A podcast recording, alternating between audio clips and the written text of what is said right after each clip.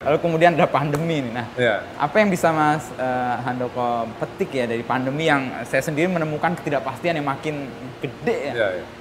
Dan responnya gimana? Ya, kalau saya melihatnya justru karena kita punya conversational conversational capital tadi, which is culture dan kreatif tadi, itu yang membuat kita sebenarnya kokoh ya. Karena Itu kayak eh, fondasi ya? Iya, karena itu fondasi dan soul ya. Oh sih, Eh, oke. Mungkin katakanlah eh, secara fisik eh, pengunjung berkurang, katakanlah eh, ekonomi tertahan, Iya. eh, segala macam. Tapi soul kan nggak bakal mati. Gitu. Jadi jadi saya ibaratkan ketika kita punya soul itu eh, kita bisa bergerak gitu ya.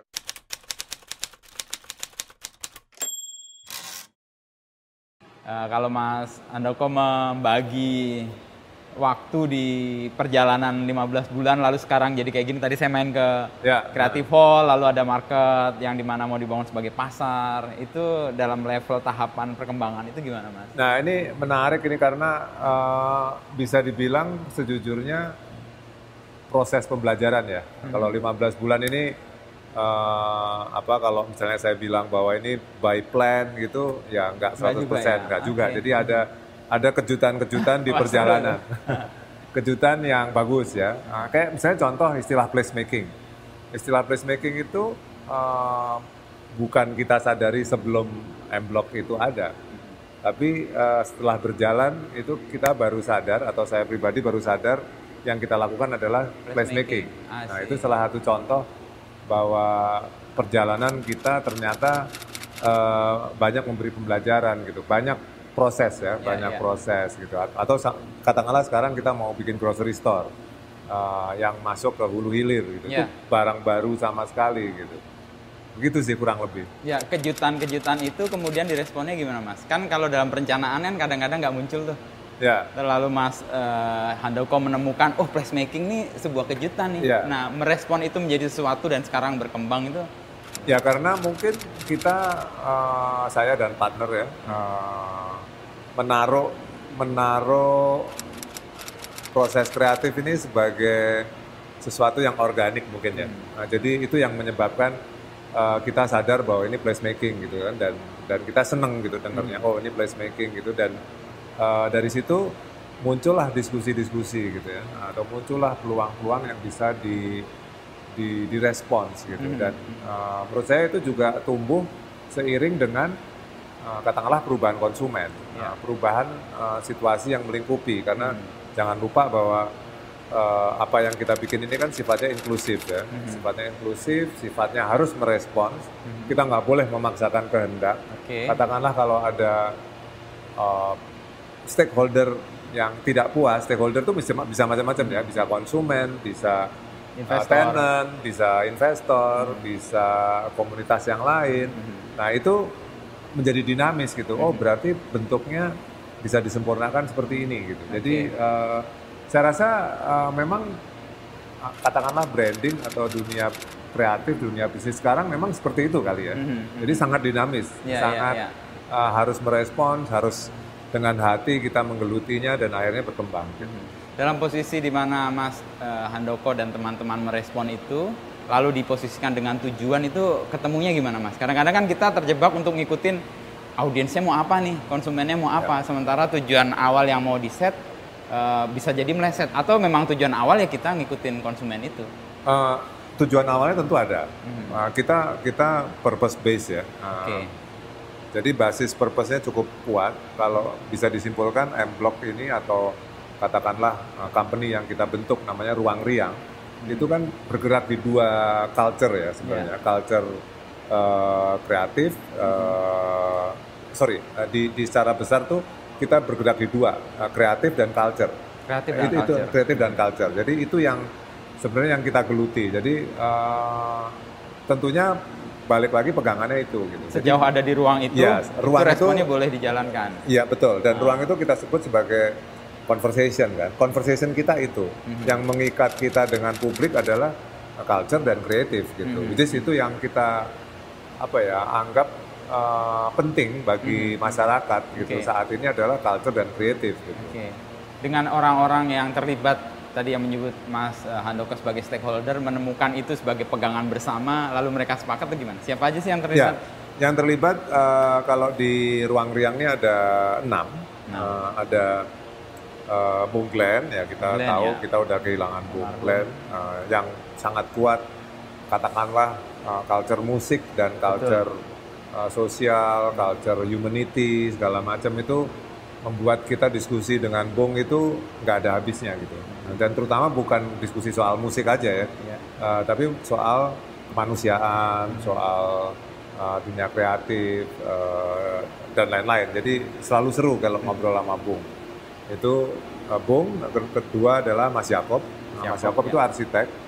Uh, arsitek yang cukup senior. Uh, Mas Yakob punya latar belakang yang sangat kuat uh, di dua sisi. Satu dia punya seminyak, seminyak, uh, seminyak uh, di Bali, uh, apa namanya Uma Seminyak, uh, dan dia punya biro arsitek yang cukup besar, namanya Arkadia, hmm. dan dia menanganin juga uh, tidak hanya rumah atau commercial space, tapi juga high rise building. Jadi okay. dia punya apa ya uh, portfolio yang cukup bagus di mall segala macam dan uh, Mas Yakob juga kebetulan suka sangat sangat suka dengan dunia kreatif. Jadi dia juga sangat kenal mm-hmm. uh, ya Muklai, Alip John, okay. segala macam, yeah, yeah. Uh, Hari Pras. Update banget ya dengan Update banget ya? dengan okay. dengan komunitas. Jadi uh, jadi arsitek yang punya pandangan kuat seni, terhadap ya. uh, seni gitu. Ada Mas Lance Mengong. Uh, tahun ini dia ketua pelaksana FFI, uh, sutradara film. Ada Mas Wendy, Wendy, Wendy ya. itu musik, musik ya. Uh, harus Rolling Stone ya terakhir ya? Iya, terakhir Rolling Stone, cukup lama.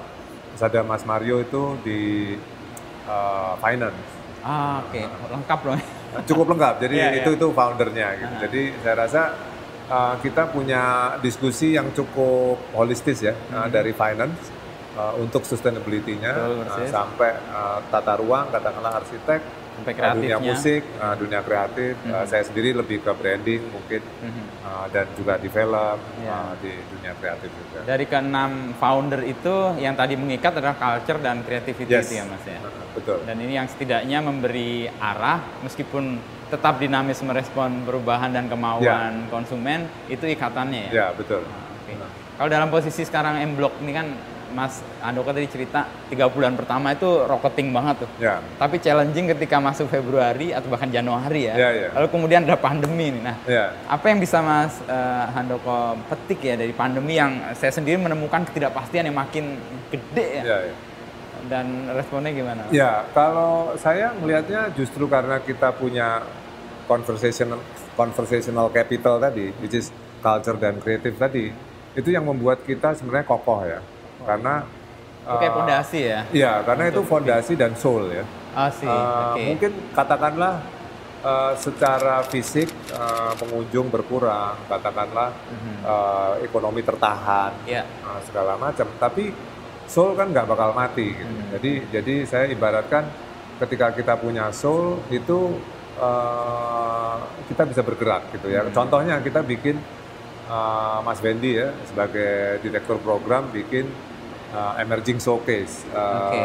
Walaupun kita lighthouse-nya nggak bisa aktif, mm-hmm. tapi bisa bergerilya mm-hmm. dengan bikin uh, ruang untuk uh, pemusik-pemusik handal, tapi yeah. masih sangat muda misalnya. Mm-hmm. Kita bikin M Block Academy mm-hmm. uh, dan lain-lain. Artinya justru dalam keadaan kepepet gitu dan uh, tapi kita punya soul, kita memunculkan IP-IP baru. Ah, okay. uh, dan dan uh, sampai sekarang grocery store, grocery hmm. store juga sebenarnya uh, market gitu ya, pasar gitu kalau kita terjemahkan itu cara kita survive. Hmm. Karena yang hidup sekarang esensial dan kita pengen membantu juga UKM, hmm. uh, petani, nelayan segala macam dan ke publik juga karena hmm. kita inklusif. Kita juga pengen apa ya berkontribusi juga ke publik gitu bahwa kita jualan sayuran, kita jualan uh, madu dan segala macam gitu ya. Yang jadi esensial buat esensial juga ya. nah, ya. Jadi esensial is the, the next big thing kan. Mm-hmm. Nah itu yang membuat uh, menurut saya kita tetap hidup gitu. Oke. Okay. Yang soul tadi yang ya. membuat yeah. uh, M Block sebagai sebuah komunitas yang ruang riang tadi yang yeah. bisa ber ya ber apa ya saya menyebutnya beradaptasi kah atau bernegosiasi dengan ketidakpastian yeah. yang ini pandemi ini kalau Mas Handoko lihat, ini peluang atau sebenarnya ancaman? Uh, saya dengan berat hati harus bilang ini peluang ya. Maksudnya Peluang, gini, ya.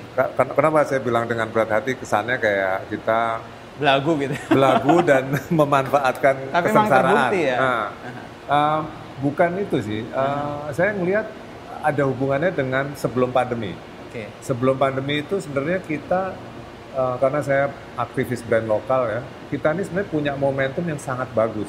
Brand lokal kita muncul ya di era saya katakanlah masih jadi CEO-nya filosofi kopi. Nah, terus saya bikin kebun ide, saya bisa merasakan uh, bertemu teman-teman gitu kebangkitan brand lokal itu kuat banget. Oke. Nah, pandemi ini menurut saya ini kan kayak menyetop globalisasi kan. Persis. Nah, globalisasi. Pergerakan Ah, pergerakan barang dan uh, orang ya. warehouse, uh, hub hub bisnis kayak Singapura mati segala macam.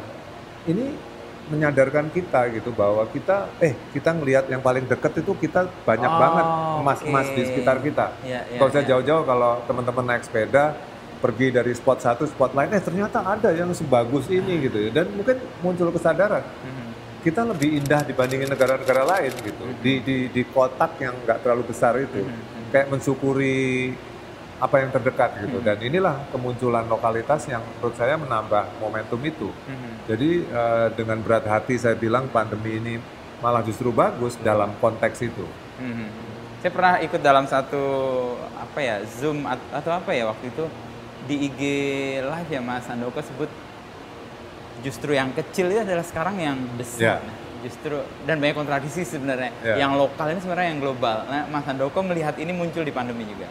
Ya, eh, eh, jadi eh, saya pernah nulis soal eh, apa sih eh, paradoks, eh, juxtapose gitu ya. Jadi eh, kayak small is the new big eh, atau eh, local is the the new global dan lain-lain. Dan memang di zaman sekarang memang terbukti, apalagi di pandemi ini gitu ya. Dan ini zaman ini kan muncul kan setelah digital ya. Iya, iya. Uh, dan menurut saya, uh, saya sebagai orang yang suka baca buku, suka berkhayal, uh, mencoba untuk mengconvince bahwa omongan-omongan itu betul gitu. Dan menurut saya memang benar. Uh, dan dan uh, memang yang kecil ini sangat mengancam gitu. Yang Iya, kecil iya. ini sangat mengancam dalam arti uh, mungkin nanti pabrik mie kecil-kecilan rumahan itu bisa mengancam pabrik mie yang besar Oke. uh, Unilever akan terancam oleh uh, UKM-UKM yang kecil gitu Mhm. karena memang uh, paradoks sedang terjadi gitu Iya, dan, iya. dan dan menurut saya semua punya kesempatan yang sama ketika publiknya sangat uh, terbuka sangat berubah uh, macam-macam perubahannya dari dari saya lihatnya dari anak-anak muda anak-anak umur uh, Belasan, belasan, ya, bahkan ya, mungkin 20 gitu. Mereka uh, apa ya uh, aspirasinya terhadap lokalitas itu sangat tinggi. Mhm. sangat tinggi ya. Mungkin juga kalau secara global juga mungkin saya aja kadang-kadang kaget ya. Anak saya kebetulan masih kelas 2 SMA gitu. Eh, dulu mungkin saya di, di dinding itu posternya mungkin akan eh, rocker-rocker dunia gitu Nasional ya. gitu sekarang faktanya ya Korea gitu kan. Dan dan Korea ya nggak jauh dari kita gitu dan Iya. saya ngelihatnya nggak lama lagi ya akan akan poster-poster kita sendiri gitu Mhm. saya teman-teman kita artis-artis kita gitu Mhm. jadi menurut saya eh, perubahan sedang terjadi yang sangat masif sih Mhm. Dan generasi baru kayaknya mengupayakan dan mensupport itu ya. ya otomatis ya karena eh, eranya bukan era eksploitatif gitu eh, bukan era yang top down eh, bukan diinjek kebudayaan besar yang yang yang dipaksakan ya, gitu ya. ya, Nah, katakanlah Hollywood atau apa pun gitu ya. Eh, zaman dulu kan gitu kan eh, eh, apa Madison Avenue segala macam. Sekarang justru Muncul dari terbalik bawah. muncul dari bawah. Mhm. muncul dari bawah. Ya kayak uh, karya-karya lokal karya-karya band indie uh, segala macam muncul. Mhm. Uh, dan itu itu nggak bisa diremehkan Mhm. nah sebenarnya passion tadi saya dan teman-teman terhadap cultural tadi sebenarnya itu dalam arti luas Uh, Ya. cultural itu uh, misalnya contoh kalau di grocery store uh, kami sedang mengupayakan menggodok arahnya ke misalnya food literacy gitu. Food Karena kan literacy. kan itu kan bagian dari culture Iya, kita. iya, iya, iya. Jadi culture ini bukan jangan diartikan Tari entertaining, menari gitu. tari menari gitu, Iya, tapi iya. Lebih Eh, laku ya ya, laku. eh, eh, apa sesuatu yang mencari root gitu, mencari oke. eh, apa namanya Akar. eh, akar akar kita ini apa gitu dan dan itu saya sangat sangat mempelajari di kopi terus terang. Mhm. Ketika di filosofi kopi kok ternyata konsumennya itu anak-anak muda ini sangat sadar kopinya dari mana, Hmm. profilnya seperti apa, roastingnya di mana, oleh siapa. Mhm. Itu kan generasi yang nyari akar gitu ya. Iya, root, iya. root itu jadi penting. Mhm. Dan menurut saya itu peluang kita. Ya, ya. Generasi yang mencari akar, generasi yang peduli dengan eh, apa empowering Ya. eh, lokal gitu ya. Betul. Eh, Tiga empat tahun lalu saya ke ke Birmingham mas Andoko. Saya datang ke sini tuh menemukan tempat di mana saya waktu itu ke sana juga di East London gitu ya. Di New York juga ada Chelsea Market yang Ya, betul. membangunkan lagi eh, ruang-ruang lama yang pada masanya punya energi tapi terus hilang dan sekarang oleh generasi yang lebih baru Ya. diberi energi Ya. lain untuk itu dan tadi kita ke yang grocery lalu di Ya, betul. eh, Creative Hall itu itu bisa bisa titik temu itu didapat gimana mas? Eh, menurut saya, eh, thank you mengingatkan di tempat-tempat itu karena itu membuktikan bahwa ini tren dunia. Tren dunia. tren betul. dunia dalam arti eh, konvensi-konvensi internasional juga mensupport itu kan. Mhm. Dalam arti misalnya contoh, kalau di Indonesia ada cagar budaya.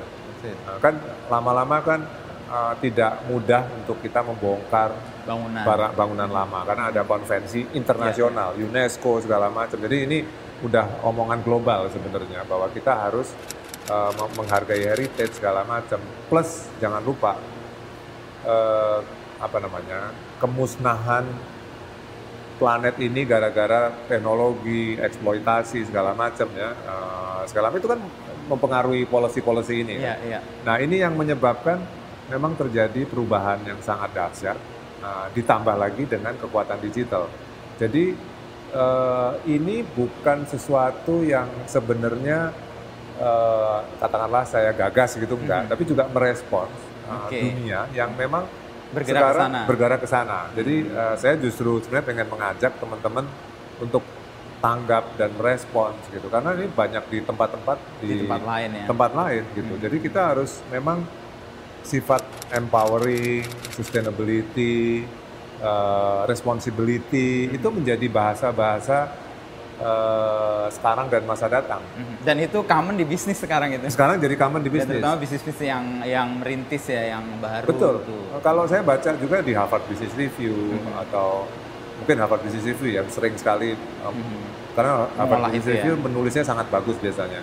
Uh, menelaahnya sangat bagus dan itu memperlihatkan trennya ke sana. Mhm, mhm. Uh, ngomongnya pasti sustainability, Mhm.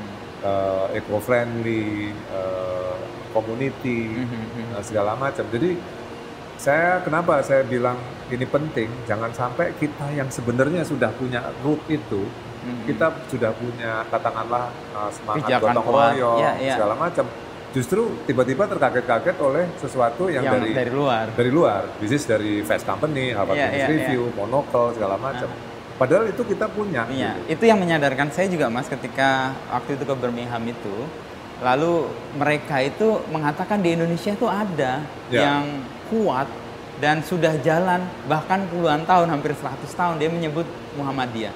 Ya, betul. Itu sebagai roots di mana sebuah unit usaha dikelola secara social enterprise harus untung iya, tetapi keuntungannya dipakai buat untuk kapit, bukan kapitalisasi semata, tetapi untuk manfaat yang lebih luas. Ya. Bikin rumah sakit baru, Betul. bikin sekolahan baru. Betul. Dan bisnis-bisnis sekarang yang tadi eh, kita lihat ya Mas Andoko juga ngelihat sekarang bahasa di eh, kosakata bisnis sustainability itu udah sesuatu Ya. yang common itu terjadi karena memang orang concern dengan itu juga sih. Iya betul. Semua orang bicara itu sekarang, walaupun kadang-kadang belum tahu Iya, iya. artinya. Karena kayak sustainability, kolaborasi, Persis. eh, segala macam itu kan eh, semua orang bicara. Dan sekarang juga UKM semua orang bicara, eh, milenial semua orang bicara. Tapi saya takut kadang-kadang tidak terlalu paham potensinya gitu. Iya, iya. Karena menjadi tren aja, oh Mhm. arahnya ke sana. gitu. Mhm. Tapi intinya adalah menurut saya memang benar sih saya setuju. Ya contoh tadi ya beberapa organisasi eh, di Indonesia Ya. itu sebenarnya sudah sangat kuat eh, Social potensi-potensi enterprise-nya. itu. Nah, Mhm. Ini hubungannya sama menurut saya sih percaya diri ya. Oke. Uh, jadi uh, yang perlu kita injek sekarang ini sebenarnya kan percaya diri, Mhm. percaya diri untuk uh, uh, apa local shop, uh, apa bahwa yang kita bikin sepatu yang dibikin anak-anak muda, baju, uh, food itu kualitasnya sangat bagus. Mhm. Teman-teman saya banyak sekali yang yang membuat saya salut ya kayak misalnya kayak Lulu Lutfi, kayak Mas dulu. Juki dengan sebagai petani, ada teman-teman di Banyuwangi, Sirtanio Mhm. juga petani, eh, Mbak Heli, Mhm. Mbak, Mbak Tisa. Saya, saya beruntung sekali sebenarnya sekarang ini eh, sebagai person gitu bisa berkenalan dengan banyak orang eh, dan punya apa ya eh, semangat yang sejalan dengan perubahan zaman. gitu. Iya, itu tuh iya, sangat iya. Sangat kaya ya bagi saya itu satu hal yang sangat berharga. Tapi bayangan bahwa perusahaan yang dibangun atau usaha yang dikembangkan itu, kalau saya ngobrol dengan beberapa orang, memang kadang-kadang mereka nggak membayangkan akan besar banget. Tapi mereka membayangkan impact-nya yang Ya. yang mereka utamakan. Betul bah harus untung, iya. Karena keuntungan itu penting untuk membuat tetap independen, tetap bisa punya aktivitas yang Ya. mereka rencanakan sendiri. Tetapi impact-nya itu harus eh, kuat karena itu justru yang mensupport ya. Kalau tadi Ya, Mas. Handoko menyebut eh, anak-anak muda sekarang itu dari komunitas lalu kemudian mereka jadi loyalis dan bentuk loyalisnya adalah jadi fanatik itu dalam satu sisi kan memberikan kekuatan bagi unit-unit Ya. itu yang tumbuh. Eh, menurut saya impact ya kalau kita ngomong impactpreneur sama sociopreneur, uh, culturalpreneur gitu ya, itu lama-lama akan menjadi semacam KPI ya. Ai. dalam konteks kenapa kenapa kenapa impactpreneur atau impact itu menjadi penting karena sustainability mahal Betul. bagaimana company bisa bertahan lebih dari lima tahun itu menjadi sulit kan Mhm. nah artinya impactpreneur menjadi faktor Yang membuat dia bertahan. ya dan diperhitungkan bagi Persis. investor Ya, ya, ya. bagi investasi karena siapa yang bisa membayangkan lima tahun yang akan datang atau 10 tahun yang akan datang kecuali sesuatu yang sifatnya eh, ya tadi impactpreneur eh, apa secara crowd pengaruhnya besar segala macam jadi saya rasa itu PR bagi semua company eh, ketika impact menjadi bahasan yang sangat penting bukan lagi nice to have tapi Hmm. Harus have ya. harus harus Hmm. harus impact harus menjadi hal yang Mhm.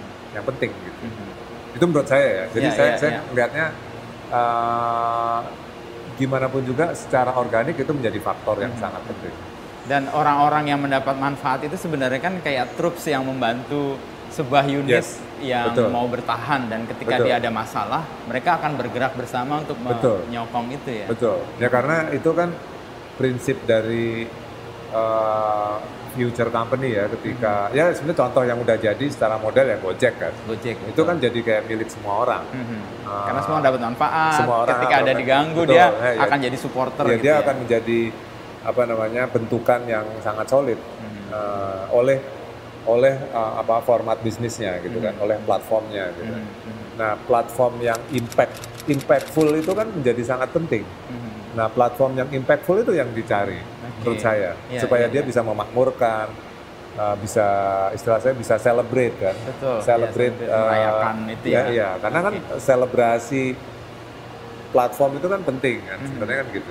Soal impact itu di M Blocks ini dipikirkan dan sudah sampai tahap apa ya Rahmat? Eh, kita sih secara platform dan secara organik eh, ke sana pasti Sana. karena kan dengan kita inklusif eh, contoh misalnya kita nggak ada pagar Mhm. Eh, kita sifatnya apa namanya kayak yang lain misalnya misalnya Mas Wendy bilang Mas sekarang semua musisi bikin podcast yang terkenal terkenal sekarang Bikin pada channel. tampil gitu kan Eh, terus gimana dengan yang tidak terkenal gitu kan yang tidak terkenal itu tidak punya bukan berarti tidak punya value loh Ya. Eh, nah, yang tidak terkenal harus kita angkat kita bikinlah emerging showcase itu kan bukti dari inklusif kan Ya. bahwa kita harus memberi Terbuka, impact ya. Ah, memberi impact terhadap apa yang kita bikin karena apa anak-anak itu kan menjadi band terkenal pasti Iya. Eh, dua tahun la- lagi atau lima tahun lagi jadi eh, pasti kalau kita bisa eh, memberi panggung terhadap talenta itu itu kan impactnya akan bagus ke kita, walaupun kita tidak berharap uh, Iya, iya. apa-apa ya. Itu Tapi maksudnya, natural sih uh. Iya. secara natural kan, organik itu uh, uh, itu yang yang mesti kita ini. Jadi kita harus saling memberi panggung, Hmm. kita harus uh, coexist lah ya, co co co, co design segala macam. Kalau lima tahun ke depan tadi kan bayangan Mas Handoko sebuah unit, sebuah usaha buat investor itu lima tahun. Kalau fine ke depannya gimana? Lima tahun ke depan nih M Block kira-kira gimana Mas? Uh, Kebayang nggak atau susah membayangkan jangka segitu? Dari segi idealisme katakan eh, kalau katakanlah idealisme ya pasti ada ya arahannya. Eh, kami ini membuat company namanya Ruang Riang. Ruang Riang. Ruang Riang itu eh, ada macam-macam ya. Salah satunya M Block. Jadi kita akan buka di beberapa tempat. Di kota lain. di kota lain dan di ada di Jakarta juga. Ah, ada di lahan kosong eh, sampai eh, bangunan lama. Karena kami juga tidak mau apa namanya di jok di internal tuh jangan sampai cuman menggarap barang bekas gitu Oh, kasarnya gitu jadi ada Ada ada ada perumahan apa Lahan area kosong. tanah kosong hijau gitu kita pengen garap place making yang berorientasi ke tetangga dan di pemukiman gitu ya. Nah, terus kalau yang di bangunan-bangunan lama eh, dorongannya adalah asetnya sangat luar biasa. Jangan lupa kayak misalnya Peruri gitu ya. Ruri ya. Peruri itu asetnya bukan hanya eh, bangunannya yang strategis segala macam, tapi bayangkan Peruri itu kan punya misalnya eh, seri-seri uang yang tidak ternilai gitu ya. Senimannya siapa, Persis Eh, di ya. tahun 48 zaman nikah misalnya ya. Eh, dulu nyetaknya gimana, itu kan belum digali. Ya, ya. Nah, kita pengen menggali dalam bentuk eh, museum. Nah, bayangkan kalau di tempat lain ada kantor pos, ada Pos. eh, anak sekarang nggak tahu telegram kali ya, Telegram, Eh, kantor telegram Iya, iya, iya. eh, dan lain-lain. Karena Pabrik tebu misalnya. pabrik tebu, Oh, ya. karena kantor pos itu kan mungkin kalau sekarang Google kali ya, apa apa ya? Email. Iya, maksudnya semua kan di situ kan. Sekarang jadi paket-paket pengantaran Iya, itu. ya. jadi pusat budaya pernah menjadi pusat budaya yang sangat dahsyat sehingga kalau diperhatikan tempatnya di pinggir alun-alun rata-rata di tempat-tempat kota yang uh, 0 km. Nah, bayangkan itu, itu kalau disia-siakan semua kan hilang. Hmm. Nah itu itu juga satu bayangan kita sih Tahapan yang untuk lima tahun ke betul. depan ya. Kota mana yang sedang dalam proses untuk menuju itu mas? menuju itu. Kita mudah-mudahan di tahun ini kita akan eh, apa ya preskon ke publik gitu, ke media juga, ke teman-teman untuk kita pengen berkarya eh, lebih lebih apa ya lebih lebih inklusif lagi lah gitu katakanlah gitu. Dan karena peluangnya banyak tapi tentu dengan pendekatan yang inklusif juga. Iya, iya. kita pengen berkolaborasi dengan kalau misalnya di Semarang ya teman-teman di Lokal. Semarang Uh, karena lokal itu penting banget lokal partner penting banget. Kayak di grocery store ini kita akan berkolaborasi dengan beberapa chef lokal chef-chef muda uh, dengan beberapa apa namanya brewer dengan beberapa pembuat minuman uh, dan lain-lain ya petani segala macam saya rasa peluangnya banyak banget untuk kita bisa mendemonstrasikan uh, kekuatan dari lokal ini gitu. Dan tadi untuk menumbuhkan kepercayaan diri tadi Ya, itu ya. kepercayaan diri itu menurut saya tahun Kebijakannya 2021 ini harusnya seiring pandemi gitu ya, harusnya muncul gitu. Karena Ya. ketika kita nggak keluar negeri, luar negeri nggak ke sini, kita jadi Ternyata kita mampu gitu ya. mampu. Dan kita punya sesuatu yang Betul. bisa menghidupi kita juga ya. Betul. Hmm, Karena oke. memang kenyataannya kita luar biasa ya menurut saya ya. Mhm. Menurut saya kita luar biasa. Kalau kota-kota lain atau daerah lain atau tempat lain atau kawasan lain untuk muncul sebagai place make eh, place, eh, place baru ya, place making di satu tempat itu syaratnya apa, Mbak? Eh, ya, menurut saya banyak ya. Kalau kita ngomong placemaking itu kadang-kadang saya juga Definisinya sangat ini ya. Iya, jadi gini, mungkin uh, saya cerita tentang placemaking sedikit. Hmm. Pertama kali saya ngobrol intens placemaking itu dengan Mas Singgi Kartono. Mas Singgih ya di Mas Singgi. uh, Papringan. Iya, tapi Di- saya ketemunya di Kebun Ide. Oh, Oke. Nah, ketika Kebun Ide baru buka waktu itu. Oh, belum lama dong, seta- dua Belum tahunan lama. ya. Jadi setelah setelah setelah ada M Block. Iya, iya, persis. Setelah ada M Block. Ya 2000 Ya 2000 19-an akhir atau sebelum- awal 2000? Awal, awal, awal tahun 2020, baru saya ya. Duduk, kami berdua duduk gitu di bawah gitu, terus dia bilang, Mas, ternyata yang kita kerjakan ini namanya placemaking. Mas Singgi ya? Mas Singgi bilang. Oh, Oke. Uh, jadi kalau saya placemakingnya narasinya dari bambu. Hmm. Nah, keresahan saya terhadap bambu, uh, terus akhirnya uh, kan saya orang pertama kali yang diajak Mas, Mas Singgi saya ingat banget ketika pasar papringan belum jadi. Iya, iya. Saya ingat itu masih di kebun bambu, terus dia bilang Mas nih lihat nih kebun bambu ini indah sekali dia bilang. Jadi kayak orang gila nih kita berdua ya dalam dalam petik. Lihat mas, juluran-julurannya bambu Iya, iya, turun, iya, iya. kena matahari segala macam. Bayangin mas kalau ini kita jadi pasar, dia bilang. Waktu belum ada tuh. Eh, karena apa? Dia bilang. Karena saya tuh sangat kesel, bambu ini sangat dihina Persis. di desa, Iya. dikencingin, dijadiin tempat pacaran ngumpet, jin buang anak segala macam. Nah, akhirnya dia kan menciptakan uh, sepedagi. Ya, sepedagi. sepedagi terus uh, papringan, gitu kan. Dua-duanya memberdayakan. Uh, istilah saya value creation lah. Nah, ternyata sama Mas. Mas Handoko juga sama. Hmm. Saya di rural, Mas Handoko di urban. Hmm. Nah, yang kita lakukan itu placemaking ketika saya, dia bilang, saya baru diundang di placemaking conference. Ah, oke. Nah, jadi saya, nah saya baru tahu di situ mas bahwa yang kita lakukan adalah placemaking. Placemaking. Jadi kita terus akhirnya kita ngobrol Mhm. tentang placemaking, terus kita diundang sama Kemenparekraf tentang Oke. placemaking. Terus saya cocokkan dengan Mas Janu. Mas Jadu. Mas Janu itu dari Densu. Iya, iya. Nah, menarik ketika saya ngobrol Mas Janu, ternyata di Densu itu ada divisi placemaking. Oh, khusus. Nah, placemaking, place branding. Placemaking, plus Nah, branding. itu sebenarnya konsep pengganti dari destination branding. Oke, oke. Jadi sebenarnya kalau kita menyikapi katakanlah eh, kalau di Jogja misalnya ya kayak filosofi kopi sendiri gitu ya atau gereja ayam gitu. Iya, itu iya. sebenarnya bisa jadi placemaking. Mhm. Eh, Lokananta itu bisa jadi placemaking kalau di Garap ya kayak kayak kayak Abbey Road segala Iya, macam iya, ya. Eh, Mo- Motown gitu-gitu. Jadi eh, sebenarnya Disney itu juga placemaking. Hmm. Eh, walaupun baru gitu. Iya, Jadi iya. tidak harus gedung lama seperti Abbey Road. Dia create ya. Dan dia create. Jadi menurut saya bayangkan kalau kita membangun banyak placemaking Di banyak kota, di banyak kota. dengan banyak background Iya, dan dengan banyak tadi. narasi segala Iya, macam. iya. Orang Solo nggak tahu loh, banyak yang nggak tahu begitu. Saya tanya Lokananta itu banyak yang nggak tahu. Iya, iya. Banyak Padahal itu dulu sadar. punya peran yang gede banget perannya sejarah. gede banget Iya, ke iya. ke siapa ke Kennedy Hmm. ke ke apa namanya eh, cultural diplomasinya Soekarno ke dunia gitu kan sangat luar biasa dan itu kan ground zero musik Indonesia misalnya kalau kita ngomong eh, Lokananta. Lokananta. Nah, kita bayangkan banyak sekali di Gresik ada di Cirebon ada Hmm.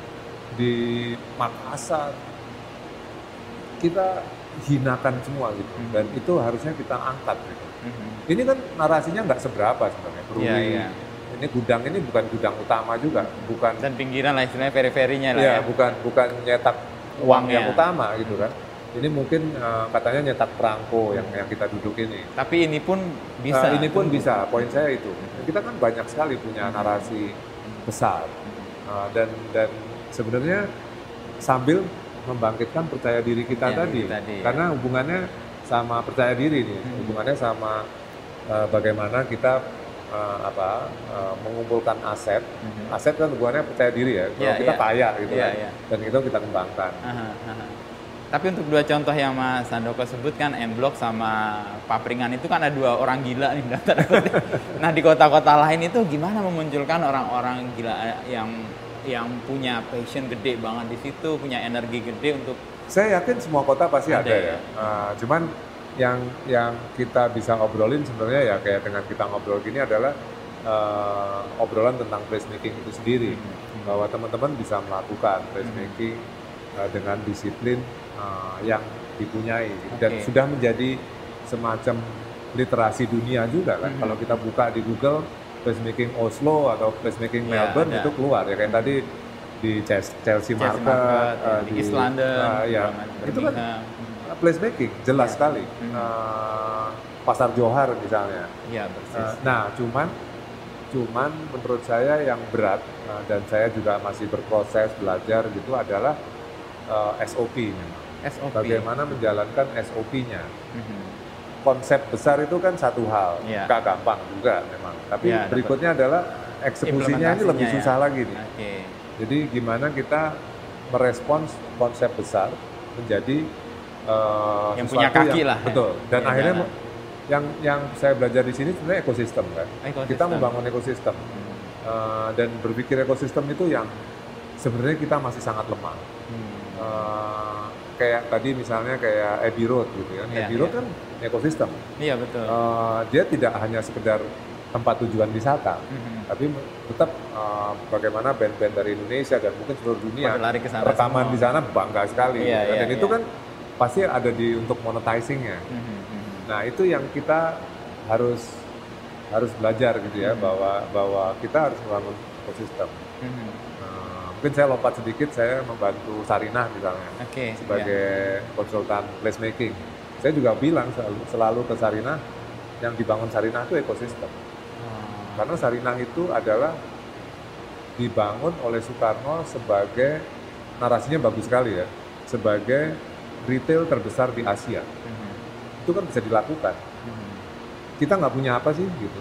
Persis ya. Berapa provinsi ya, berapa literasi food yang ada di Indonesia, Mhm. berapa literasi uh, tenun misalnya yang ada di Indonesia gitu.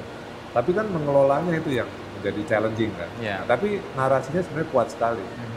Nah itu uh, dan dengan inclusivity tadi kelemahan kita adalah biasanya kita ini senangnya top down. Oke. Jadi kalau bangun apa-apa itu top down, Perintah itu ya. perintah terus Laksanakan. uh, nggak nggak meletekin banyak Nah. pihak. gitu. Mhm. Harusnya itu kan menjadi disiplin kita. Iya gitu. iya. Nah, jadi kita menurut saya belum terlalu pandai untuk mengelola konten Mhm. karena uh, Sarinah adalah konten sama seperti Disney adalah konten. Konten. Ya ya. Nah, jadi Sarinah adalah bukan perintah kan harusnya kan gitu kan. And Block ini bukan per- Perintah. perintah atau bukan pelaku dari investor, Mhm. tapi bagaimana ini bisa mengajak publik untuk sama-sama berkembang. Terlibat. Ya. Terlibat dan memiliki sih sebenarnya. Iya, Mhm. betul. Nah tahapan untuk tadi kan harus ada ide besar satu pihak eh, satu hal dan itu nggak mudah juga. Lalu harus ada implementasi yang bisa punya kaki bisa bergerak Ya. gitu. Nah untuk Sarinah ini ide besarnya udah ada nih yang Ya. retail terbesar bahkan di Asia dan mimpi yang gede banget sebenarnya mimpi yang nggak jauh sih Ya, sebenarnya. betul. Untuk mewujud itu eh, tahapannya masih jauh atau challengingnya di mana mas? Sebenarnya sudah dekat. Menurut Sudah saya dekat. sudah dekat. Uh, tinggal diinjek uh, dua ya, mindset sama Mindset. percaya diri. Percaya diri ya. Kenapa Balik lagi saya- ke situ ya. percaya Kenapa diri. saya bilang udah dekat? Karena pelaku-pelaku brand lokal uh, itu sangat luar biasa yang saya kenal ya. Ya, ya. Uh, ya kayak sebut aja kayak kedai-kedai kopi teman-teman saya banyak sekali yang sudah menjalankan prakteknya itu jauh lebih bagus dibandingin katakanlah kedai-kedai kopi dari luar negeri. Oke. Itu fakta. Itu fakta yang kita harusnya pede. Mhm. Nah kadang-kadang saya ka- cukup sedih sih kalau kalau kita tuh merasa punya benchmark itu perusahaan asing gitu ya. Hmm. Nah, kalau brand itu harus Unilever, Hmm. harus McD, harus Starbucks. Starbucks ya. Padahal kita ini juga ada loh yang kuat-kuat seperti itu. Nah ini yang yang kita kadang-kadang kurang percaya diri aja gitu. Hmm. Untuk kita patokannya di situ. Mhm. Karena apa? Konsumennya patokannya di situ. Dan itu yang yang menurut saya kita harus lebih berani ya. Mhm. Kenapa Korea ini maju? Kalau kita pikir-pikir gitu ya, culturalnya, kreatifnya maju gitu. Yang dulu mungkin nggak sangat nggak diperhitungkan Iya, ya. iya. Korea kan 80-an ya nggak ada orang tahu ya. 80-an udah 90-an jauh bahkan. dibandingin Cina ya. Hmm.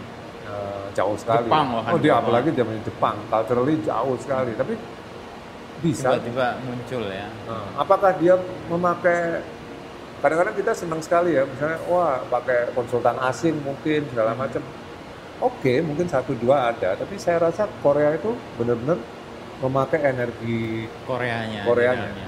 Percayaan dirinya Betul. tadi ya.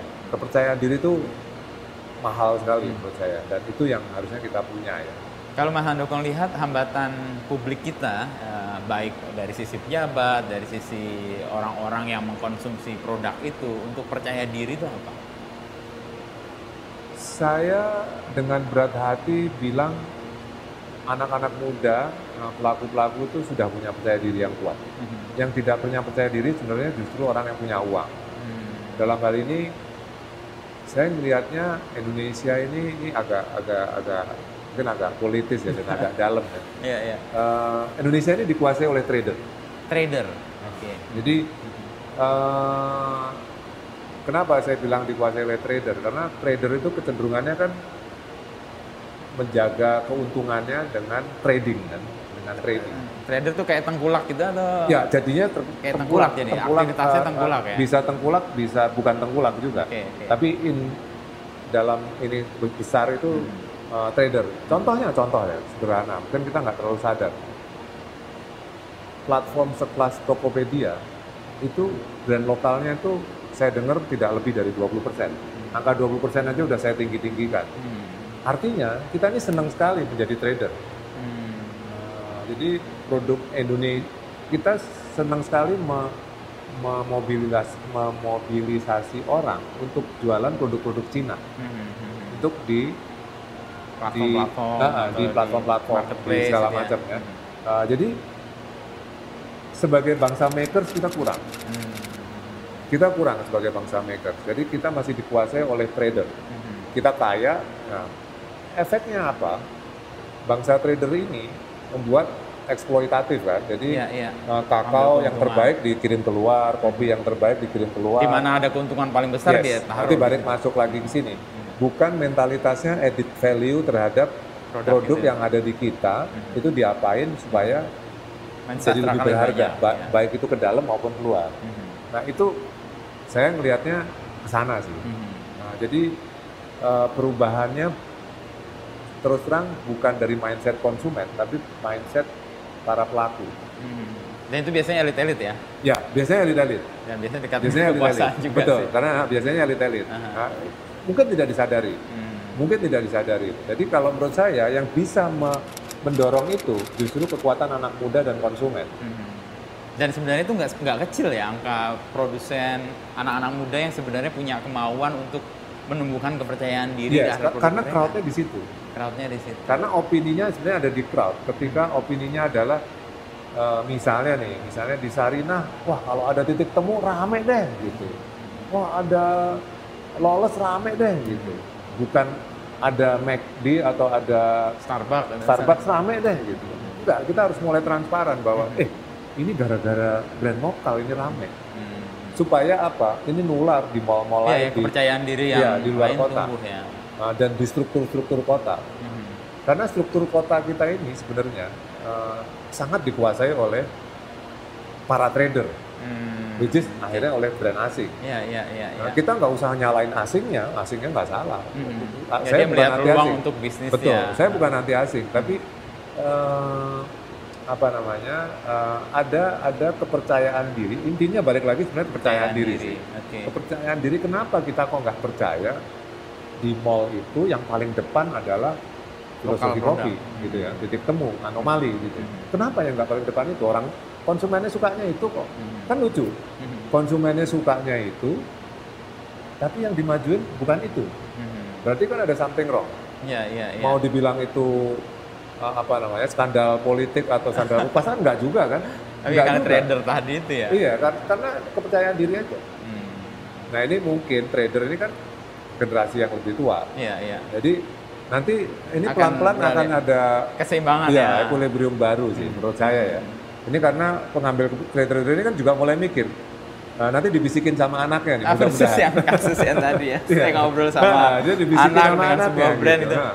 Ternyata Nah. bagi mereka Iya. bukan brand luar, bukan Betul. brand besar, tapi mungkin si trader lokal. ini atau mungkin pengambil keputusan lagi makan malam terus eh, ini segala macam wah kenapa nggak ada lolos di situ ah, misalnya. lolos di situ lolos apa tuh Gitu. Nah, taunya mungkin burger yang lain yang sudah Iya. uh, nah puluhan itu tahun akan terjadi akan terjadi. saya saya menduga itu akan terjadi ya mudah-mudahan lebih cepat gitu. Ya, ya, ya. Itu yang kemarin saya obrolin dengan Pak Jonan juga sebenarnya. Ya. Uh, ada kecemasan di banyak kalangan soal ide-ide baru yang terhambat oleh generasi. Ya. Tetapi ketika generasi baru itu mewacanakan itu, mengkonversasikan itu, itu akan jadi sesuatu yang lebih menjanjikan bahwa itu akan berjalan tuh. Misalnya ngomong lagi rame sekarang listrik, uh, kendaraan listrik. ya Karena orang ngomong soal uh, climate change, lalu perubahan betul. iklim yang parah. Ya, Anak-anak muda punya concern di situ. Memang ada keterbatasan di level mungkin yang kalau di perdagangan trader tadi yang Ya, ya. pengambil kebijakan belum sadar soal itu. Tapi generasi yang mau menghidupi ide ini gede nih. Nah mungkin keseimbangan baru itu yang mungkin nanti akan ketemu di, Betul. di kepercayaan diri ini ya mas ya. betul Mhm. Karena di generasi baru ini uh, energi terbarukan, katakanlah uh, apa uh, energi yang berasal dari fosil itu kan udah menjadi narasi tiap hari ya. Hmm. Uh, non fosil maksudnya ya. Hmm. Ya, yang yang yang non fosil, yang yang fosil itu udah sepase ya, kan. Ya, ya. Jadi uh, apa ya? Kayak misalnya saya ngobrol sama Helga gitu ya, hmm. uh, bergreen gitu misalnya. Cukup intens saya ngobrol, gitu, sering ngobrol gitu. Saya juga tersadar gitu bahwa saya yang cukup, lumayan cukup memahami hmm. generasi sekarang aja cukup sering terkaget-kaget. Nah, dengerin Apalagi dia yang ngobrol jauh nah, ya. tentang uh, future food gitu-gitu ya, hmm. uh, segala macam uh, pola makan uh, in the future segala macam. Wah gila ya anak-anak sekarang begitu sadarnya ya, hmm. gitu. dan dan itu nggak bisa diremehin itu. Hmm dan dan itu kan pasti kan dia akan disambut oleh investor. Iya iya. Nah, ya. Jadi uh, perubahannya itu cukup cukup seru sih, menurut ya, saya sih ya, cukup ya. seru. Sebagai pelaku yang kemudian menghasilkan uh, kayak M Block ini ya Mas ya, lalu sekarang mau garap Sarina, uh, ruang Riang itu punya keterbukaan untuk membantu kota-kota lain nggak tumbuh dengan keunikannya, dengan kekayaan kultural yang dia miliki. Saya rasa kota-kota lain itu punya peluang yang sangat besar karena uh, uh, katakanlah kerusakannya belum sefatal Jakarta gitu. Kerusakan bahasanya. belum belum uh, apa namanya? Belum nemen lah kalau belum, orang. belum belum belum banget belum lah. Keterlaluan gitu. lah ya. Belum keterlaluan. Itu uh. menurut saya uh, peluangnya sebenarnya lebih besar uh dan apalagi sekarang uh, ya dengan zaman infrastruktur yang semakin lebih baik.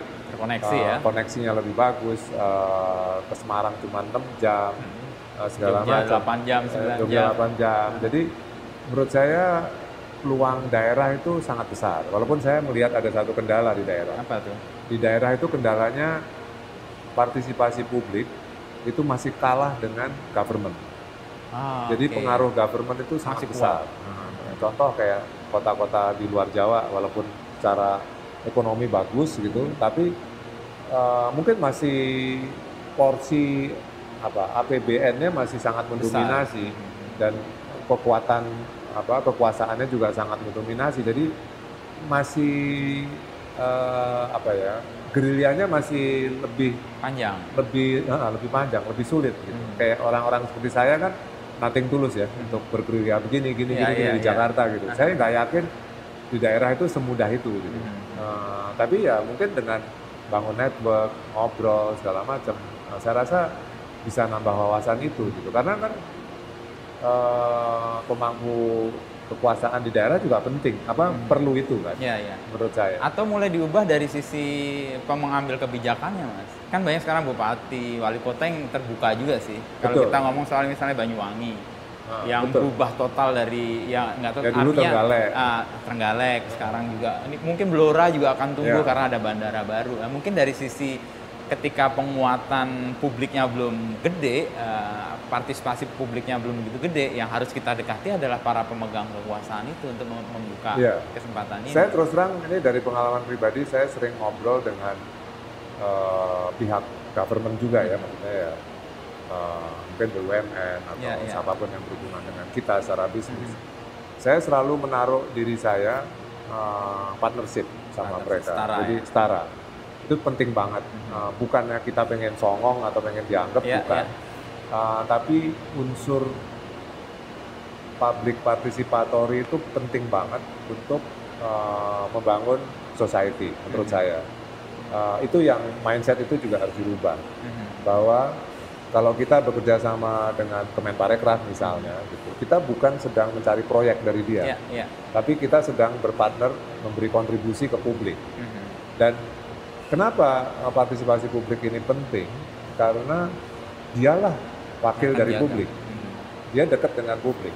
Nah ini yang harus disebarkan juga ke teman-teman terutama di daerah. Karena apa? Kalau dia top down, banyak sekali saya tahu juga tempat-tempat uh, sangat ketergantungannya sangat tinggi dengan uh, katakanlah bupati -hmm. atau gubernur atau siapa begitu dia udah nggak begitu dia enggak atau begitu dia misalnya dianggap uh, untuk pencitraan iya. doang ya. nah, itu nggak jalan segala lagi macam betul dia tidak tumbuh organik mm -hmm. nah itu yang uh, berbahaya ketika yeah. kita nyantelnya itu salah. Gitu. Iya, iya, Jadi iya. nyantelnya harus partisipatori sifatnya. Mhm. Nah itu yang juga harus didiskusikan sih. Terus terang itu yang Iya, iya. eh, saya sering sering merasa, saya sering ngobrol juga sama orang government. Saya nggak mau. Kita harus harus setara Partisipatori, gitu. ya. Cuman ya kita tahu lah birokrasi kan. Jadi Tapi kalau kita ngomong tadi soal sustainability, sebenarnya partisipatori itu kan upaya untuk menjaga itu tetap lestari kan. Ada- Bagaimana betul. masyarakat memiliki eh, lalu merawat itu juga, bahkan mengembangkan kan karena itu. ada dua sebenarnya yang saya anggap selain itu adalah saya karena saya backgroundnya dari branding uh, jadi brand hari ini sebenarnya saya amatin 10 tahun terakhir ini ya atau lima tahun terakhir yang lebih kelihatan gitu ya brand hari ini itu itu uh, publik itu semakin terintimidasi satu oleh brand besar big corporation kedua oleh government Oleh government. jadi kalau misalnya tahu-tahu big corporation bikin apa-apa publik itu malah justru re- eh ntar dulu gitu. Tapi ketika eh, misalnya pakai celana gitu ya, celananya terus kenal dengan Hmm. yang bikin dan merespek gitu, Mhm, itu lebih bangga. mhm, mhm. Kalau dulu kan enggak. Iya, iya, iya. Nah, ada ada perubahan, ada perubahan mindset di Seperti konsumen itu ya. hari ini seperti itu. Mhm. Saya beli tanaman ini tanaman dari yang saya kenal dan yang saya kenal ini sangat eh, apa namanya eh, passion banget dengan tanaman. Itu tanaman itu menjadi mahal. Mhm. Uh, kalau dulu mungkin kalau potnya itu uh, Louis Vuitton gitu Hmm. misalnya, nah itu itu mahal apa mahal. Baru kelihatan mahal. Nah, sekarang Enggak. ada tandingannya sih Louis Vuitton. Mhm, Tandingannya adalah passion-passion tetangga-tetangga kita. mhm. Nah itu yang membuat government uh, dan big corporation itu menjadi ada agak ada rejectionnya. Hmm. Nah di situlah sebenarnya government atau big corporation butuh kita kita Hmm. yang menjadi lebih dekat. Iya, iya, nah iya. itu itu yang yang perubahan itu yang juga harus Mhm. sebenarnya disebar bahwa Hmm. eh sekarang lain loh publiknya itu lain psikologisnya itu lain Mhm. dan itu menyebabkan menurut saya bangunan-bangunan yang gigantis yang besar. Itu mulai nggak uh, diliriki. proyek mercusuar segala macam. Itu menjadi menjadi nggak di sana. Yang dicari lebih ke humble persis lokal unik kecil. kecil uh, warm. Uh, ya Instagramable gitu. Tapi Instagramable bukan yang grand, gede, segala macam, tapi lebih ke uh, detail, lebih ke ya unik. Itu itu itu fenomena juga itu yang, Ya, yang, dan yang dan kita lihat. dan brand besar kayaknya merespon itu juga sih dan mereka juga going ke situ ya menuju ke situ ya Sebenarnya uh, brand besar, government juga merespons itu, tergantung orangnya. oke Nah, kalau saya melihat brand besar, contoh ya yang merespons itu dengan cukup baik, ya saya kenal orangnya Axton Salim misalnya. Aksan ya Aksan Contoh ya, ya, contoh Axton. Nah itu dia anak mencoba. muda yang kocak Nah, mencoba me- me- Ya. me- menjadi CEO yang uh, humble, Merespon itu ya, dekat. Nah, ya. Kalau dari government, tadi yang udah disebut tadi Banyuwangi, Banyuwangi, segala macam, sebenarnya fenomena fenomena monokol itu memperlihatkan. Ketika Monokol, ya. monokol sebagai majalah keren banget, uh, orang urban baca gitu ya, uh, menjadi lifestyle gitu. Isinya kan government sebenarnya. Iya Wali kota Tertentu. Santiago, Ya, wali ya, ya. kota eh, mana lah ya eh, negara-negara Eropa ya, Hmm. mungkin eh, Oslo, Seoul segala macam.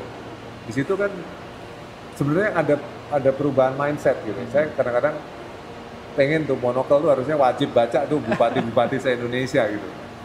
Kan di situ kadang ngomongin persis government. ya ya ya itu bacaan yang menyegarkan buat saya juga sih Iya, tapi melihat. buat kita kan dekat. Iya, nah, dekat. jadi eh, seolah kayak buat kita, tapi harusnya kan itu kan government. mengambil kebijakan apalagi di pengambil kota-kota yang tadi sangat tergantung perubahannya oleh eh, Betul. kehadiran pemerintah tadi ya Betul. Mhm. Karena perubah apa ya? Government sekarang menurut saya harus servicing. Nah, which is dari dulu sebenarnya Iya, ya. Tapi iya. maksudnya benar-benar eh, servicing lah Iya, istilahnya. nah, customer service ya. lip Iya, service betul. aja Ah, ya. betul. Tapi di perubahan di politik sekarang kan kelihatan nih mas ada anak-anak muda yang juga muncul meskipun ya banyak suara-suara sih anak muda anaknya siapa tapi Iya, iya. Juga di kementerian sih ada anak-anak muda. Mas Andukong lihat ini harapan yang memungkinkan tadi wacana-wacana yang tadinya masih jauh dari elit itu bisa muncul dan diterima. Eh, saya terus terang saya pribadi agak bukan karena saya udah nggak milenial ya, tapi saya tapi saya agak risih dengan di Indonesia ada pembagian eh, apa milenial non milenial gitu ya ya, generasi milenial gagal atau uh, apa katakanlah milih di kabinetnya ada milenialsnya nggak ada ya. milenials karena menurut saya udah usang juga. Hmm. karena Kategori bahaya itu juga. Ya, iya, iya. bahaya juga kenapa? Ketika milenials ini gagal. Mhm. milenials ditunjuk terus gagal. Nanti ada cap bahwa oh milenial nah, milenials belum bisa gitu. Jadi uh, pengkotakan itu menurut saya berbahaya, Nah, saya lebih setuju bahwa kita ini semua milenial Nah, saya milenial Milenial berarti spirit. Iya, spirit. Mhm. Uh, sp- spirit milenial lebih penting dibandingin pembagian umur. Usia. Uh, karena kita wajib jadi milenial, menurut saya. Kalau enggak kita habis. Apa karakter milenial yang Mas Handoko bayangkan yang harus dimiliki oleh siapa Karakter milenial, uh, menurut saya ya percaya diri, Mhm. uh, locality, uh, responsible, uh, apa namanya? Milenial itu jangan ditempel sebagai tren, Umur, ya, tren. sebagai apa namanya hipster. Mhm. uh, tren ses- kayak gitu-gitu yang kekinian gitu. Millennials itu mindset ya. Mhm. Millennials ya artinya ya ya energi terbarukan, pro terhadap lingkungan, Sustainability. uh, uh, uh, terhadap uh, kerusakan iklim, Mhm. uh, peduli dengan itu itu that's millennials menurut saya. Mhm. Dan bukan karena saya udah nggak dari segi umur kayaknya udah nggak di situ, uh, tapi menurut saya millennials about mindset Aha, aha. Uh, dan dan itu penting banget. Ya, itu ter- tergambar sih ke- keresahan Mas Andoko itu ketika ada persoalan di staf khusus presiden yang milenial ada persoalan betul. itu langsung kata kunci yang dicari di Google soal milenial dan milenial eh, kasus-kasus gitu ya jelek-jeleknya ya Oh gitu. Iya. Dia Google uh, query-nya itu akan muncul itu. Staf khusus presiden milenial itu yang kasus-kasus kemarin ada ruang guru sebut, uh, misalnya ada kasus yang bisa misleading, Iya, bisa misleading, membawa orang pada cap yang buruk atas sebuah generalisasi yang nggak tepat sih sebenarnya. Iya. Makanya benar juga diingetin nggak perlu lagi tuh kategori-kategorisasi pemisahan generasi atas dasar usia. Tapi Dan kalau kalau nggak salah WHO kan uh, usia muda tuh sampai 60 Iya. berapa? Mas Andoko masih Iya, berarti. masih masih muda saya. Hitungannya masih muda ya. Iya, jadi uh, uh, saya jadinya lebih percaya itu karena uh, pembagian itu sangat diskriminatif ya. Iya, iya, iya, betul. Diskriminatif dan dan bisa misleading. Hmm. Terutama untuk kita yang udah nggak milenial. Terutama kita umurnya udah nggak milenial. Jadi kayaknya aduh, bukan zaman gue gitu. Padahal Iya. zaman sekarang masih nikmat sekali gitu. Betul. Uh, Dan Mas masih- Andoko masih bisa melakukan banyak hal yang oleh Iya, generasi nikmat bukan jauh. dalam arti uh, apa kemakmuran ya, tapi uh, kita enjoy, Enjoy ya.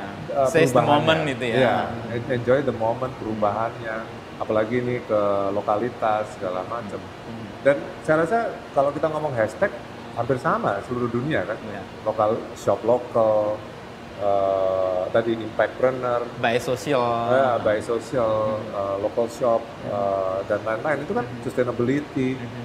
itu menjadi bahasa milenial sebenarnya Oke, oke. Uh, dan dan harus dipahami oleh siapa pun. Lintas usianya ya. Daripada siapa pun generasi. usianya. Jadi tidak perlu mengkotak-kotakan ini. Oh ini generasi milenial. Apalagi kalau bilang wah ini gagal nih generasi milenial ternyata mana generasi milenial misalnya. nih. Iya, Saya iya. nggak ngomong politik ya, tapi ada kecenderungan uh, teman-teman saya gitu. Uh, gua nggak- nggak ngerti deh anak-anak sekarang bla bla bla bla bla bla bla nggak loyal nggak ini nggak ini nggak ini ya jadi distorsi kan Mhm, mhm. Padahal itu hanya satu dua kasus lalu menjadi itu satu dua kasus. Nah, dan pertanyaannya berikutnya adalah apakah memang harus loyal dia kan? Uh, Kalau memang perubahannya sangat cepat, Iya, mereka Apa bisa.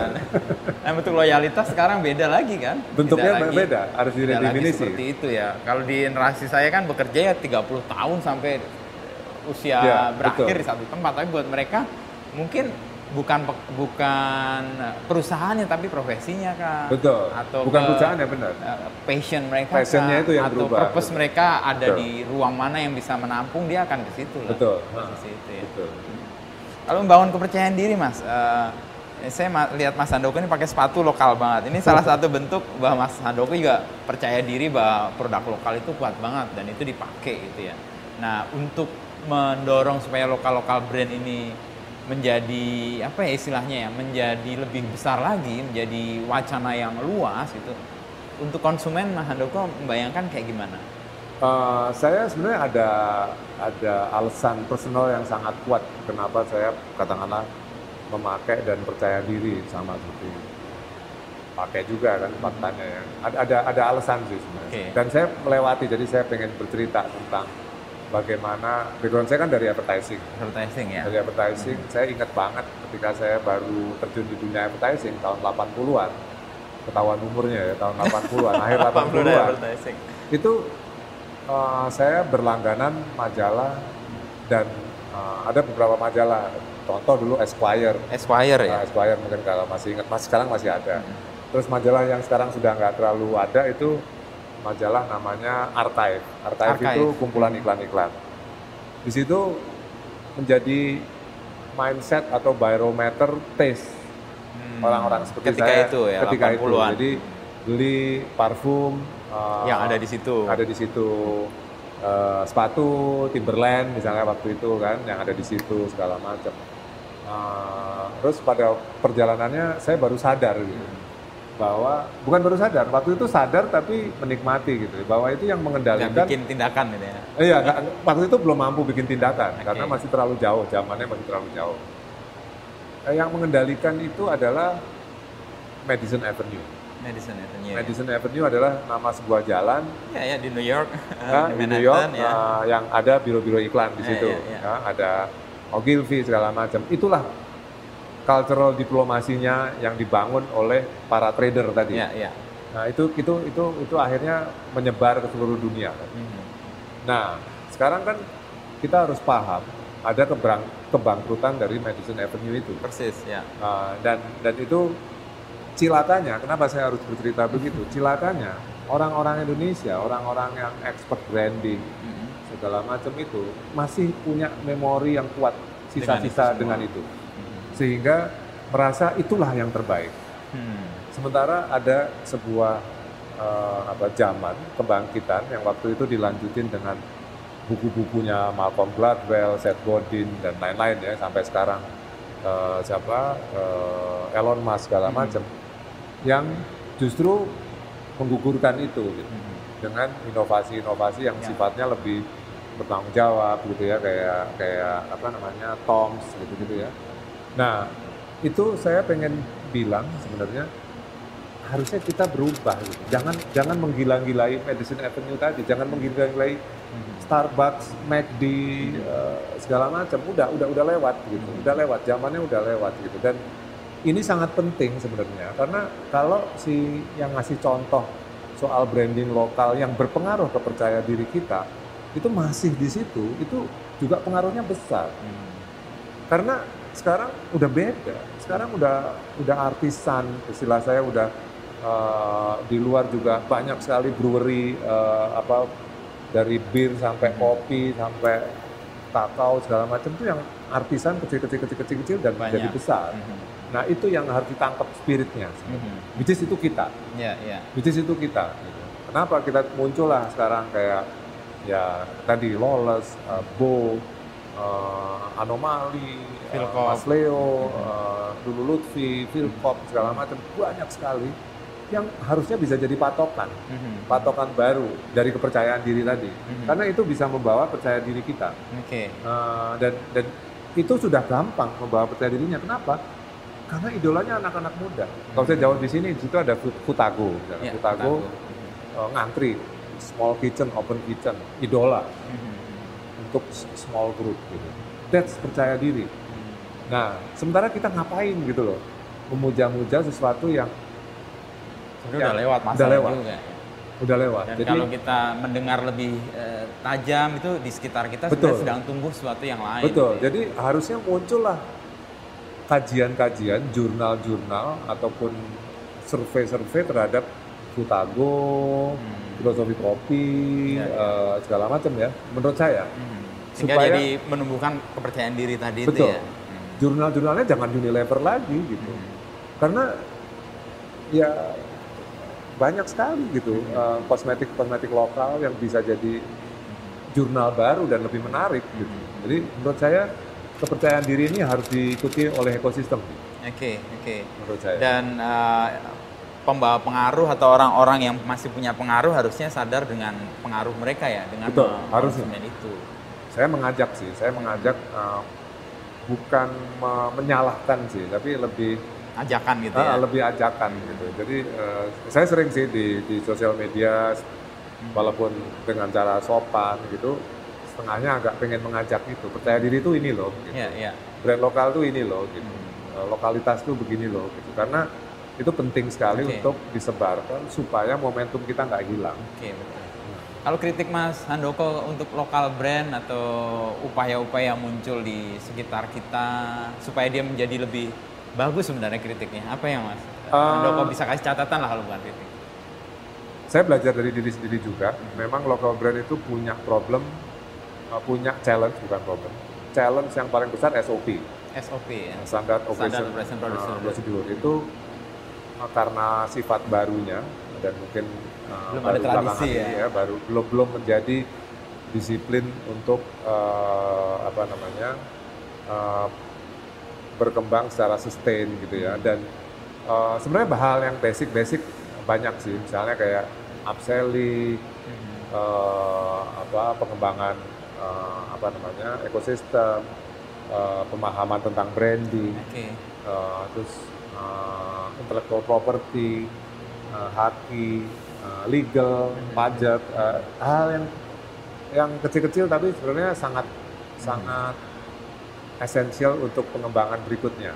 Itu kelemahan kita. Memang. Nah, tapi ya harusnya kita proyek bareng-bareng ini Eh, karena momentumnya tepat.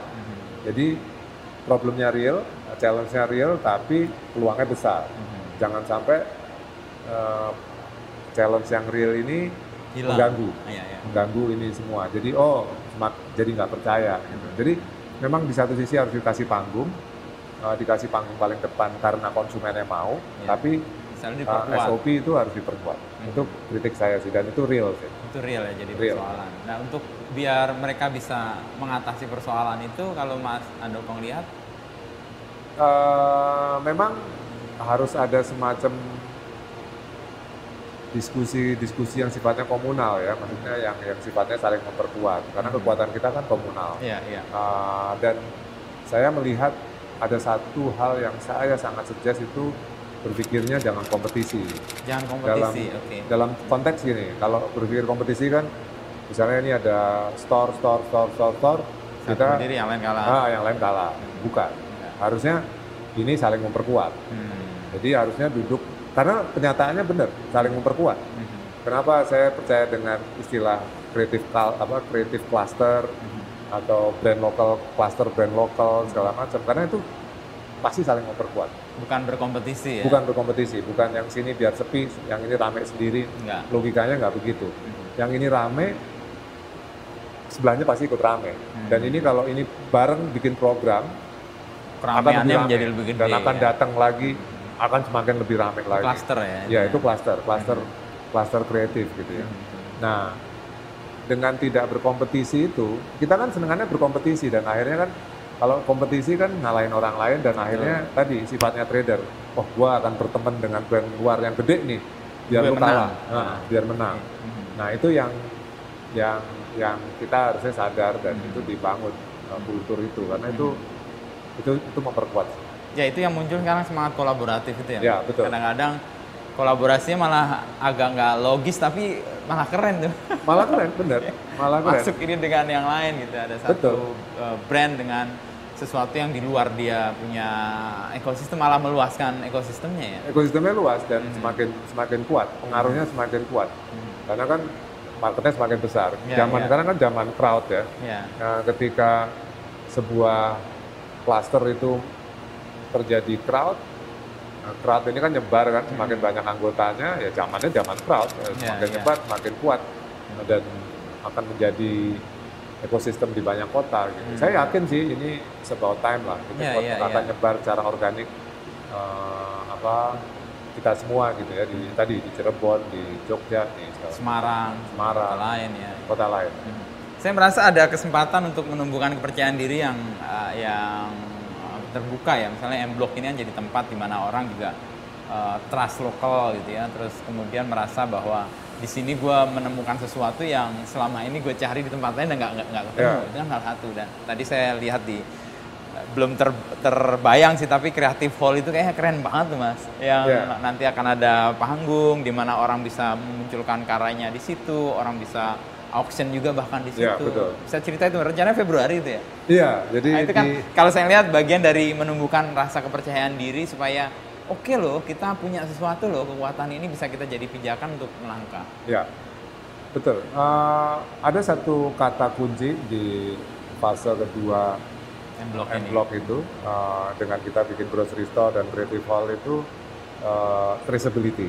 Traceability. Jadi eh, dari insight tadi orang ngopi, anak muda ngopi pengen tahu dari mana kopinya segala macam. Ternyata terjadi juga di fashion. Betul. Ini yang bikin sepatu ini si Siapa, ini segala ya, macam bahannya segala macam dan membuat kita bangga. Mhm. Baju juga terjadi segala macam. Traceability menjadi kata kunci dan itu menjadi eh, apa namanya perayaan bersama gitu ya. Ketika nanti ada di situ ada resto eh, semacam farm to table juga. Nanti sayurannya dari mana, eh, apa namanya lobsternya dari Wamena Mhm. uh, dan lain-lain ya. Uh, dan itu akan kita bikin menjadi satu ekosistem, Hmm. suatu perayaan gitu ya. Uh, saya senang pakai kata perayaan, Perayaan, karena ya. kayaknya ada kebersamaan gitu ya bahwa ini uh, lobster terbaik, ini sayur terbaik, kita Beras tahu terbaik, asal usul beras terbaik segala macam. Uh, dan itu bisa menjadi wacana yang baik. Nah, dengan kita membuka Creative Hall dan create, uh, apa grocery store uh, M Block Market ini di bulan Februari, akhir Februari, mudah-mudahan kita bisa me- membuat itu ya. sebuah literasi baru gitu, sebuah culture baru gitu. Mhm. Bahwa berbelanja itu membanggakan gitu, mem- apa, membahagiakan juga gitu. Dan- Menghidupi banyak orang juga yang menghidupi banyak di sekitar orang kita juga, gitu ya. menumbuhkan ruang apresiasi segala macam. Itu, kan- itu kan definisi pasar sebenarnya. Ya, ya, ya. Nah, pasar itu kan sebuah perayaan ya, sebenarnya. Ya, ya. Eh, kalau kita masa kecil ingat ke pasar kan senang sekali. Sampai sekarang juga senang ya. Jadi itu itu menurut saya hal yang sangat penting untuk Hmm. kita. Jadi ini fase kedua ini memang sangat ke petani, sangat ke nelayan, eh, perimba segala macam. Mhm, mhm. Dan itu mudah-mudahan jadi pijakan orang makin percaya diri yang menumbuhkan kita punya keyakinan bahwa kita bisa tumbuh kok dengan Harusnya yang begitu. kita punya.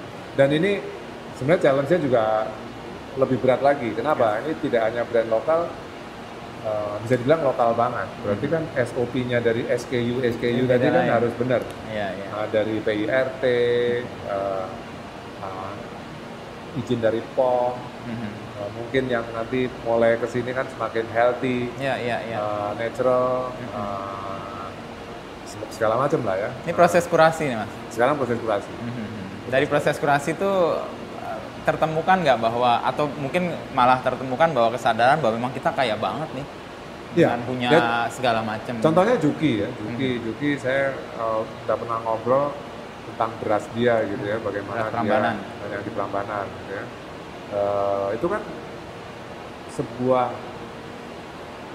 dalam tanda petik mainan barunya Juki yang tadinya katakanlah uh, musisi gitu ya, uh, terus seniman. hijrah menjadi petani gitu dan itu hanya salah satu contoh yang menarik gitu ya. Eh, beras saja menyadarkan saya ada ratusan jenis beras eh, di Indonesia yang kualitasnya sangat bagus. Eh, belum vanilla, Oke. eh, segala macam, eh, selai-selai, Mhm. eh, bumbu-bumbu. Eh, saya rasa eh, bukan hanya menyadarkan kekayaan, menyadarkan bahwa kita mengabaikan banyak hal.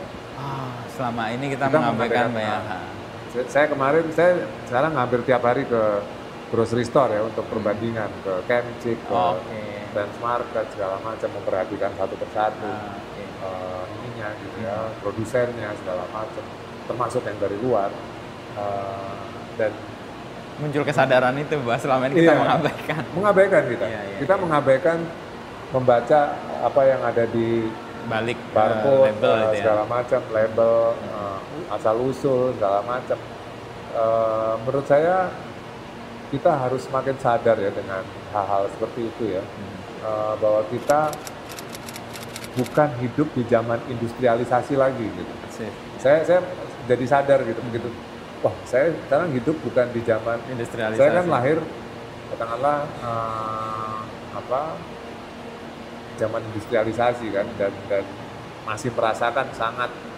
di zaman Orde Baru Hmm. eh, apa namanya industrialisasinya sangat kuat kan Hmm. Eh, apa Wacana-wacananya. ya. wacananya karoseri pabrik Hmm. eh, industri segala macam nah sekarang kan Beda. beda Hmm. itu itu saya sebagai generasi milenial dalam konteks kesadaran jadi jadi paham gitu oh ternyata era 60-an yang lahir 60-an sangat berbeda 70-an sangat berbeda sekarang sangat berbeda Hmm. dan itu yang mudah-mudahan anak sekarang sadar gitu Hmm. Eh, saya nggak tahu Hmm. itu diwacanakan apa Ya. tidak di kampus perbedaannya eh, apa namanya katakanlah di dunia akademi gitu ya antara antara zaman-zaman itu. Iya, iya, iya. karena menarik gitu sebenarnya untuk Mhm, diwacanakan mhm, menurut saya mhm. Kalau yang Mas Andoko lihat yang terabaikan selama ini apa? Setelah lihat tadi eh, apa grocery-grocery lain. yang terabaikan menurut saya ya jelas kita ini yang terabaikan pertanian paling Pertanian. saya lihat paling deket ya Mhm. Eh, kalau nelayan saya Agak jauh. saya agak jauh ya kalau Tapi kalau pertanian saya pertanian ya. eh, dengan kopi saya paling enggak sama Rio keliling-keliling Mhm. ke kebun-kebun kopi dari dari situ saya mulai kenal Sadar gitu ya. eh, kenapa dari kopi banyak yang nanam pohon-pohon apa tanaman yang lebih pragmatis gitu ya, Iya, lebih iya. cepat panen segala macam dan bagaimana frustrasinya petani-petani itu Hmm. bagaimana orang tua petani nggak mau anaknya jadi petani Iya, iya, iya.